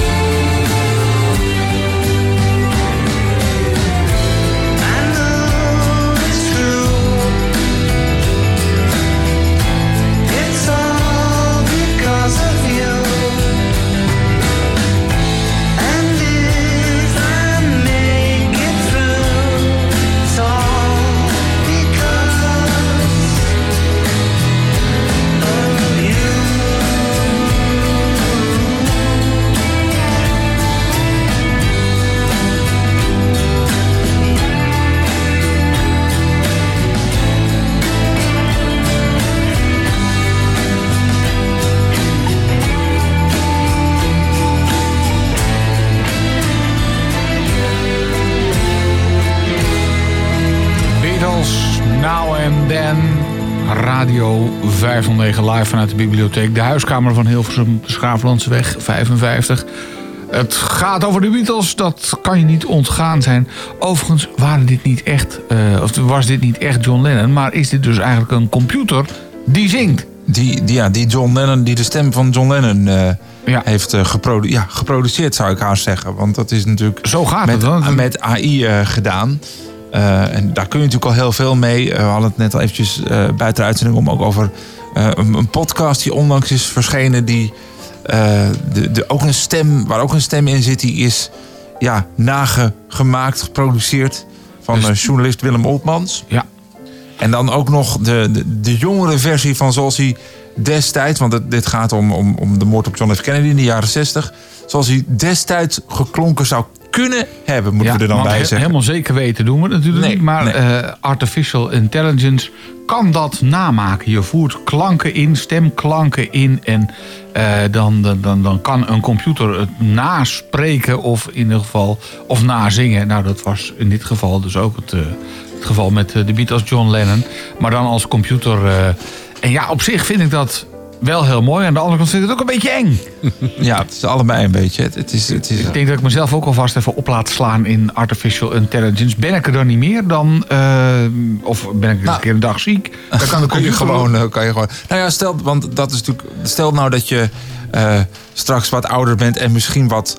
Wat slechter, te versterken, wat slechter klinkt, dan kan je altijd nog gewoon je AI-stem erbij pakken en, eh, en dan gewoon laten uitspreken wat je eigenlijk had willen zeggen. Ja, zolang je dan maar met twee vingers kan typen, dan, dan typ je gewoon datgene wat je met twee vingers, of tenminste de, eh, wat je zou willen zeggen. En dan zegt de computer het in de toon. met- van, van zoals je nu klinkt. Ja, ja. Fascinerend. Hè? Maar goed, terug naar de Beatles, want eh, daarvoor zit jij hier, Ja. Peter Vorink. Eh, je gaat zo meteen ook nog even een stukje spelen, hè? Ja.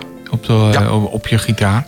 Ehm, eh, volgens mij moeten we richting eh, Here Comes the Sun. Wat kun je daarover vertellen? Dat bewuste Beatle-nummer wat wij uit het archief hebben op weten te duiken. Het is een, eh, een nummer gecomponeerd door George Harrison. Eh, wat ik net al zei, hè, heel veel aandacht ging natuurlijk uit naar het eh, songwriters duo Lennon en McCartney. Die lang niet alles samen schreven hoor. Eh, er staat wel altijd op elk nummer eh, Lennon en McCartney. Ook op bijvoorbeeld Yesterday, waar John Lennon geen noot of geen woord aan heeft toegevoegd. Maar ze hadden nou eenmaal die afspraak. Als er één van ons twee een nummer schrijft, dan heet het een Lennon en McCartney nummer. Oké, want Dat was financieel ook heel handig, want ze hadden ook twee bedrijfjes opgericht toen ze 3, 24 waren. Len Mac en het andere heette Mac Len. Ah, Om eh, laten we zeggen eh, hun, hun, hun revenues van, de, van de, de royalties en zo goed eh, te kunnen onderbrengen. ja, om die 95% nog een beetje te ontwijken van de belasting. Exact. Ja. Die 5% die dan binnenkwam. Dat dat, nou goed. Dus, maar George Harrison die heeft zich, naar mijn mening, heel erg ontwikkeld in, in, in de periode dat hij bij de Beatles zat. Van nou, duidelijk de mindere componist van Lennon en McCartney, maar dan toch, uiteindelijk wel op dezelfde hoogte. Nummers als, eh, als, als the Sun. George had op dat moment, ehm, ja, eigenlijk wel de rest van zijn leven ook, eh, een hele goede vriendschap met eh, gitarist Eric Clapton. George was op dat moment met, met Patty Boyd getrouwd. En hij schreef dan een nummer voor haar, Something, komen we straks aan. Dat gaat over Patty Boyd. Maar Patty werd eigenlijk wel een beetje verliefd op eh, Eric Ja, Clapton. Eric Clapton. Ja. en Eric Clapton heeft ook nog twee nummers over deze dame geschreven. Looking Wonderful Tonight en Leila gaat over diezelfde dame. Dus die dame heeft drie wereldnummers op haar naam staan. Dat moet een hele bijzondere vrouw zijn geweest. Leeft ze nog? Ja, zeker. Zeker, ja. ja. Ehm, maar goed, even terug naar Here Comes the Sun. Is eh, door George Harrison geschreven in de achtertuin van, eh, van eh, Eric Clapton. Bij het opkomen van de zon.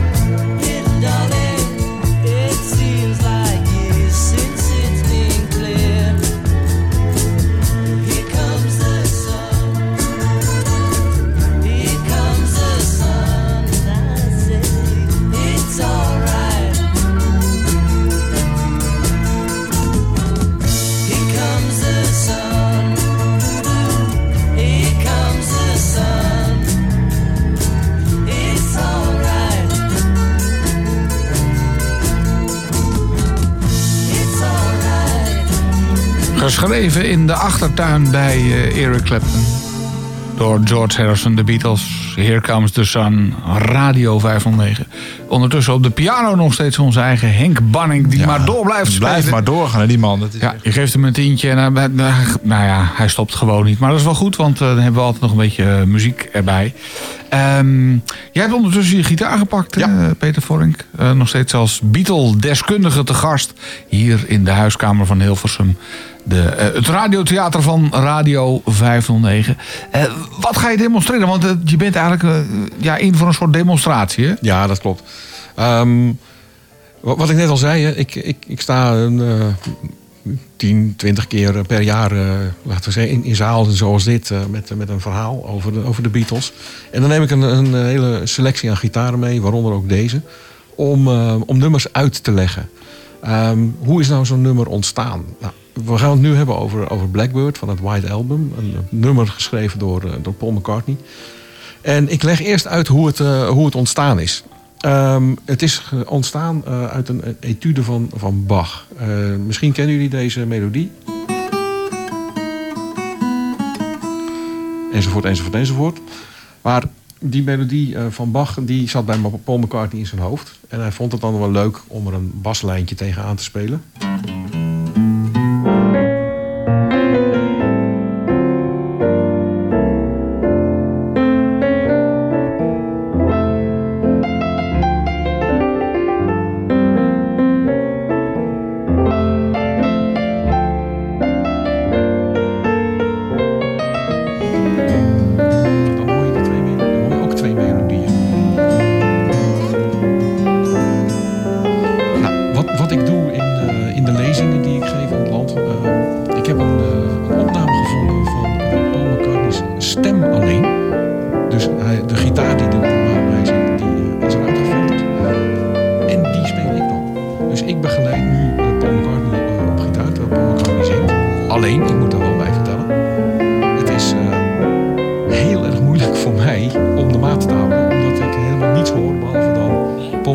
Zijn, eh, zijn stem.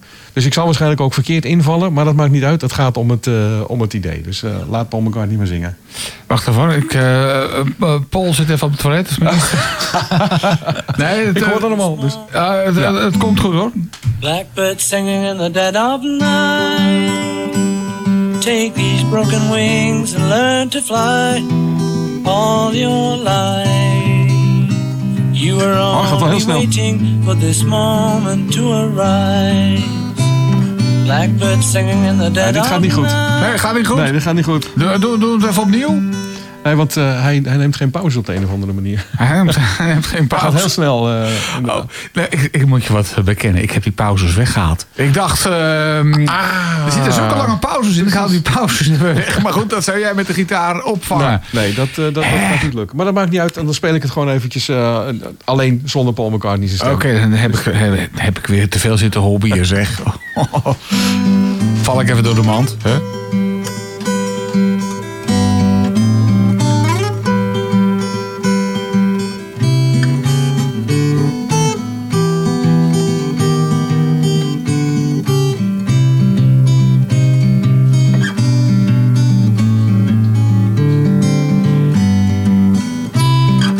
You were only waiting for this moment to arise.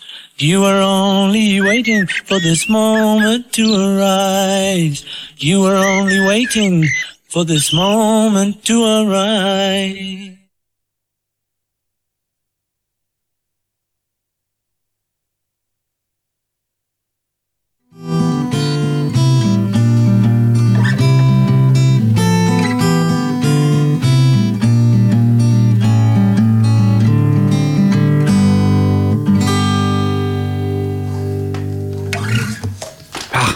Zou een, een warm applaus bij moeten?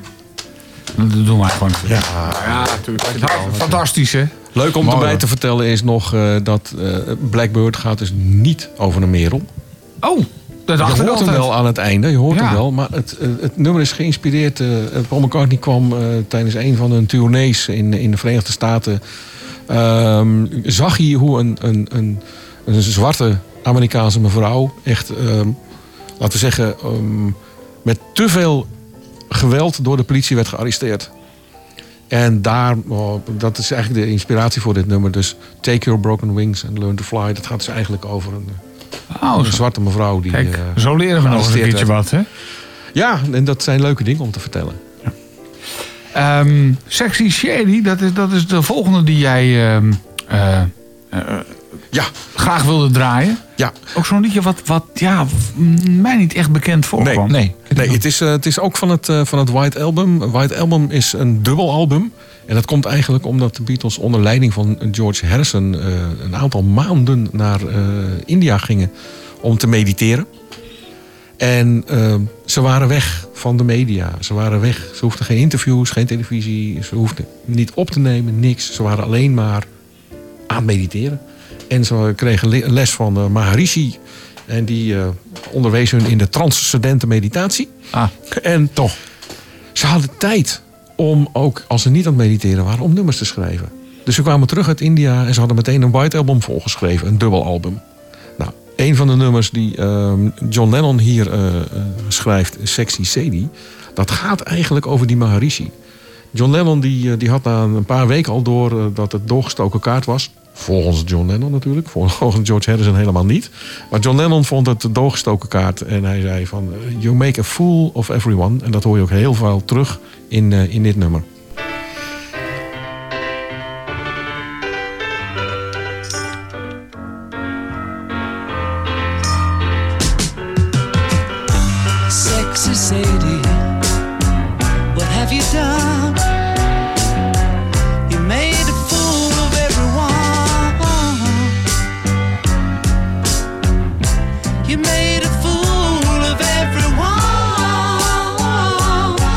Sexy Sadie, oh, have you done?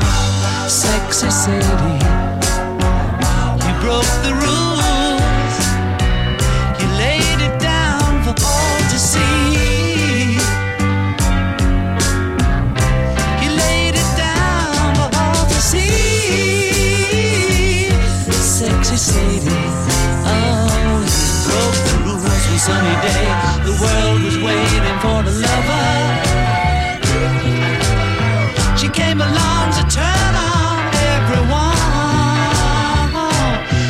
Sexy Sadie the greatest of them all, sexy Sadie.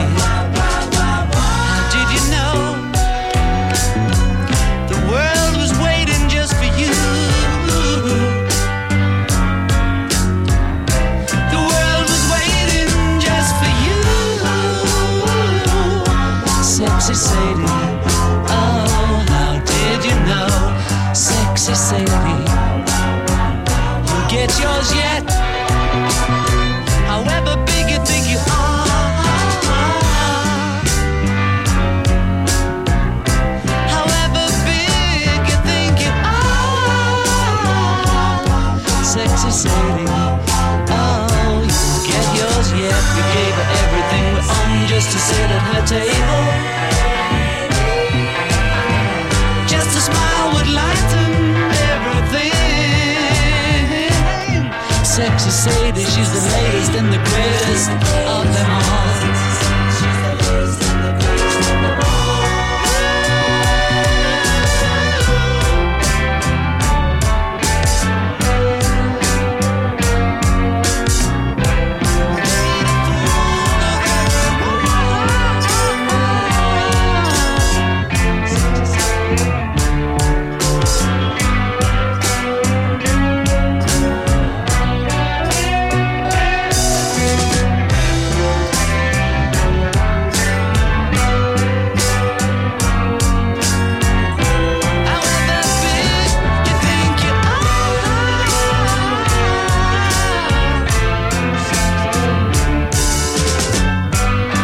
Sexy Shady. De Beatles. Radio 509. Op deze toch wel wat regenachtige vrijdagmiddag zitten wij in de huiskamer van Hilversum... met op de piano nog altijd onze eigen Henk, Henk Banning, verre neef van eh, Harry. En eh Emiel is ook nog steeds in de Zeker, studio. ja, ik ben- eh, ja, wat, wat heb jij eigenlijk met de Beatles? Nou ja, ik, ik ben natuurlijk van eh, iets wat later, laat ik het zo voorzichtig zeggen. Ik bedoel, toen ik in 76 ter wereld kwam, was het helemaal gauw klaar met dat. Toen deden ze volgens mij helemaal, helemaal niets meer. Ehm, maar ja, je, door veel ook naar radio te luisteren en zo, kom je die nummers natuurlijk toch. Het blijft toch tijdloos toen en nu nog steeds. Dus op die manier eh, krijg je dat toch eh, mee. Het is niet zo dat ik vanuit huis eh, een hele lesje Beatles heb gehad of zo. Je, bent- je, bent niet, je hebt geen platenkoffertje van je vader Nee, gekregen? nee, zeker niet. Oh, Nee, nee. Dat heb ik dus wel gekregen. En daardoor heb ik wat... Ja, ik wil niet zeggen dat ik veel verstand heb van de Beatles. Helemaal niet. Ik, maar ik vind het nog altijd wel fijne muziek om te horen. Overigens hebben wij nog een andere Beatles-specialist. Onze eigen Dick. Dick Bakker hebben wij in ons midden. Die vaak op, op zaterdagavond aandacht besteedt aan de Beatles. Dus als je een echte Beatles-fan bent... en nu zit te luisteren naar Radio 509... kan ik ook van harte onze eigen Dick Bakker aanraden. Die veel heeft met de Fab Four. En eh, Peter, Peter Vorink, eh, had ik nou begrepen... dat jij toch nog wel een keertje één keer in je leven mee wil spelen met eh, Paul McCartney. Als het even kan. Als, als het even kan, inderdaad, dan zou het leuk zijn dat hij inderdaad eh, Blackbird zingt en, en ik speel. Maar goed, dat kan ze natuurlijk niet heel. Ja. Nou ja, wie weet, stuur hem een brief. Stuur hem een brief wel, ja, dan nodigt hij me uit in Schotland en dan. eh, Nou, dan hij woont tegenwoordig in Schotland, dat je weet. Ja, nog steeds inderdaad, op die ene boerderij daar eh, waar het altijd regent. Ja. Maar ja, maar voor even meespelen, maakt dat regen toch niet uit? Nee, dan, eh, nee, nee, nee. Je zou zeggen, hè? Dat, dat- dat moet toch te, te organiseren zijn. Wat heeft, wat heeft de beste man... Nou, hij maakt af en toe nog wel eh, nieuwe nummers ook, hè? Ja, zeker. Ri- Ringo ook inderdaad nog hoor. Eh, Ringo heeft o- over zichzelf gezegd: eh, Ik word de eerste 100-jarige artiest die op, nog steeds op het toneel staat. Oh, Oké, ja. nou, dan gaan we hem. Dan Ja, we we zeggen, nog, gaan we hem houden. Nog, nog we gaan 17 jaar en dan is het zover. Want sommige mensen zeggen van ja jongens, op een gegeven moment moet je stoppen. Dat wordt ook wel eens over Paul McCartney gezegd.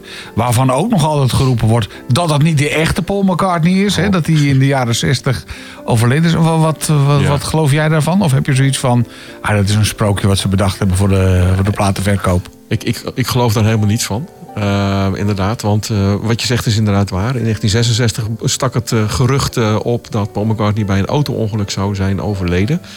En dat zijn plaats zou zijn ingenomen door een Amerikaanse meneer Campbell. Ehm, Die dan wel dat zou misschien nog wel kunnen. Ja. Als je iemand die goed lijkt nog daar, daarvoor kan vinden. En de- ze, op, de, op de hoes van Sgt. Pepper uit 1967 droegen de Beatles allemaal een snor. En dat zou dan zijn omdat de plastische chirurgie in de bovenlip van meneer Campbell zou moeten worden verhuld. Nou.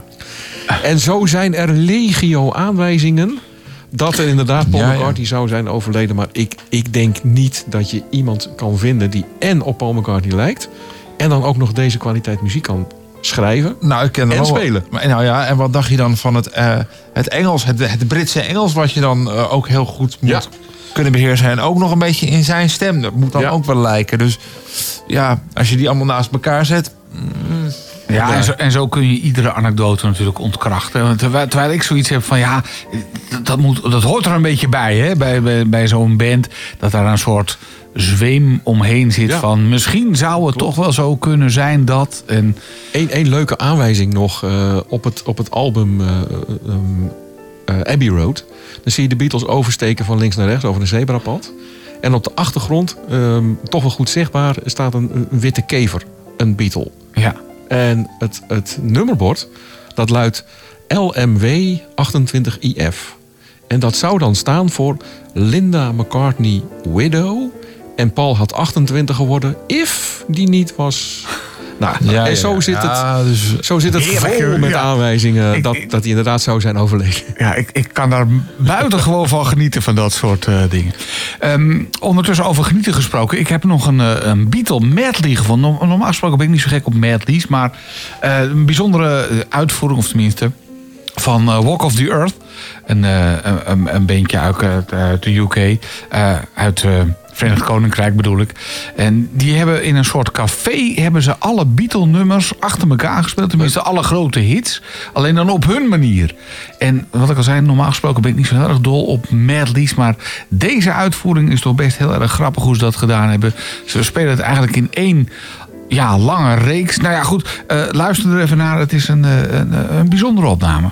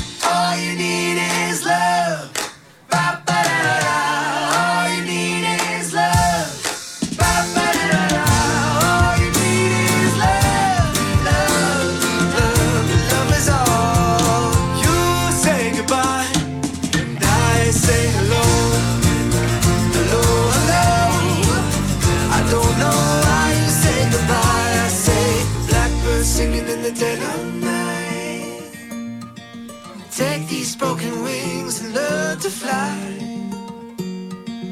all your life. You were only waiting for this moment to arise. Hey, Jude, don't make it bad. Take a sad song.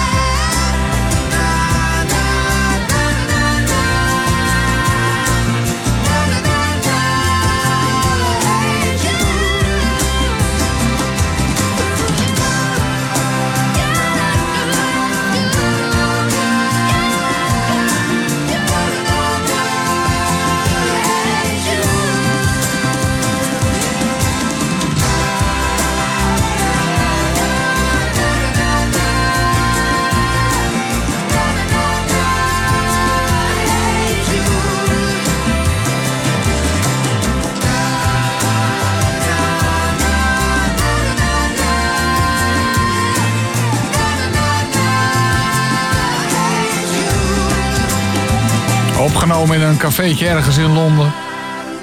Walk of the Earth. Een speciale Beatle medley. Alle grote hits van de Beatles van 1962 tot en met 70. Maar dan in de juiste volgorde en zo aan elkaar gezongen of gemixt. Net hoe je het hebben wil. Dat het eh, ja, een, eh, een mooi geheel is geworden. En daarom ook even gedraaid in deze speciale ja, Beatle-uitzending van Radio 509... met Beatoloog Peter Vorink. Eh, nog tot vijf uur te gast hier in de huiskamer van Hilversum. Radio 509 live vanuit de bibliotheek. Het Radiotheater officieel. Je kunt nog aanschuiven als je in de buurt bent. Eh nou, Schaaflandsweg 55. Eh, Peter, wat hebben we nog te behandelen tot, eh, tot vijf uur? Want we hebben nog maar een paar minuten eigenlijk. Ja, Ja, Ja. de klok tikt ehm, eh, door. we hebben geprobeerd extra centen te krijgen van de directie, maar het wordt... eh, Wordt altijd moeilijk, hè? Ja, wordt altijd moeilijk. Nou, dan, dan, dan zou ik inderdaad willen eindigen met, eh, met het einde echt van eh, de, eh, de- het laatste album wat ze hebben opgenomen. Dat is de, wat ik net al zei, hè, dus Abbey Road. En het, het tweede, hele tweede kant is eigenlijk bestaat uit een, ehm, uit, een, uit een medley. En uiteindelijk kom je dan bij Her Majesty uit. Nou, wat, wat het bijzonder van, van Her Majesty is een stukje, een heel kort stukje muziek, geloof een, eh, een seconde of dertig of zo, geschreven door Paul McCartney eh, op gitaar en, en op stem. En die zat in die medley. Maar uiteindelijk zei, zei Paul McCartney, ik vind het niks. En hij zei tegen de bandtechnicus, hij zegt, eh, knip het er maar uit. Maar dan, dan knipten ze ook, hè, letterlijk. En Ja, met schaar. In die, in die Met tijd. de schaar, ja. En ehm, gooi het me weg. Nou, dat heeft die technicus dus niet gedaan. Hij heeft dus Her Majesty er wel uitgeknipt. Maar hij heeft het daarna nog aan het einde van de medley... en het laatste nummer van de medley heet The End. En dat was ook inderdaad dan eigenlijk The End. Dan hoor je een seconde of 17 hoor je niets. En dan heb je de eerste hidden track ter wereld. Her Majesty. Maar deze opname die ik nu wil laten horen, dat is hoe het eigenlijk bedacht was. Dus hier zit eh, Her Majesty dus niet na 17 seconden aan het einde van het hele album. Maar hier zit hij eh, tussen twee andere nummers in. Ja, maar ik heb toch nog even één vraag hierover, want dat vind ik dan interessant. Die technicus heeft dat bedacht om dat zo te doen. Ja. ja. En die, die is, heeft dat maar gewoon, ge- die heeft zo'n versie gemaakt. die heeft dat inderdaad gedaan. Heeft hij uiteraard nog wel toestemming voor gevraagd. Nou, dat was mijn volgende gekregen. vraag. Want- Omdat het, ja, het was toch wel weer een, een, een, een grapje eh, inderdaad. En daar waren ze altijd wel, eh, wel in voor, eh, voor, eh, voor, voor een grapje. Maar, maar wat we nu gaan horen, daar zit het dus in de medley. in de medley. Oké, komt-ie.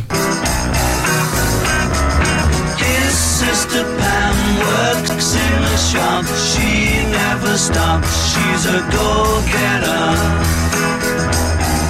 Takes him out to look at the Queen. Only place that he's ever been. Always shouts out something obscene. Such a dirty old man.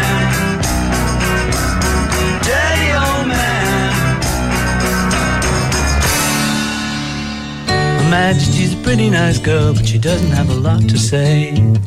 Her Majesty's a pretty nice girl, but she changes from day to day. I wanna tell her that I love her a lot, but I gotta get a belly full of wine. Her Majesty's a pretty nice girl, someday I'm gonna make her mine, oh yeah, someday I'm gonna make her mine.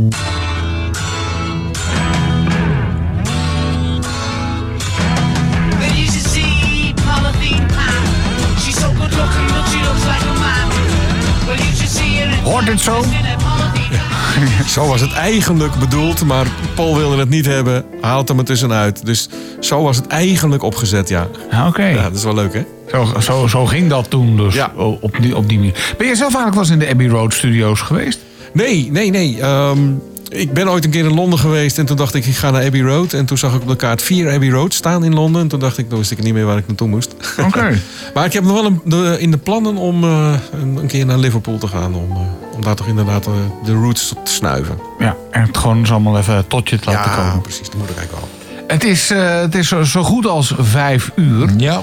Ehm, sta jij binnenkort nog ergens met het volledige verhaal? Want we kunnen hier natuurlijk op deze vrijdagmiddag niet helemaal volledig zijn. Nee, eh, ja, dat, dat klopt. Ik ben eh, op dit moment eh, druk bezig met nog wat, wat nieuwe afspraken te maken. ehm, in, in Den Haag en in, in het noorden van, de- van het land. Dat kan op mijn website worden gevolgd. www.beatlesperformance.com Beatles-performance.com Daarin zit een, een, tapje waarin ik inderdaad gewoon alle optredens nog laat zien. Oké. Nou, voor nu in ieder geval heel erg bedankt Graag gedaan, voor je verhaal hier in de bibliotheek. En eh, nou, we hopen je nog een keer te treffen, want er is over de Beatles. Ja, Heel veel te vertellen. Absoluut. We gaan zo nog twee uur eh, doen, denk ik. Geen enkel Geen probleem. enkel probleem. we, Zeker. we zijn nog niet klaar met je. Zo, Oh jee. dat dan Dankjewel voor je komst in ieder geval. eh. Graag gedaan. We, we hebben er nog één over, hè? Eén singeltje. Ja. Eh, vertel, Beatles en Something. Something, inderdaad. Ehm, gewoon ook omdat het zo'n prachtig mooi nummer is. Er is één hele kleine anekdote bij. Ehm, Frank Sinatra heeft het opgenomen. En in een interview zei hij van... het is een fantastisch nummer, door, geschreven door Lennon en McCartney. Nee, Frank. Het is van George Harrison. Something.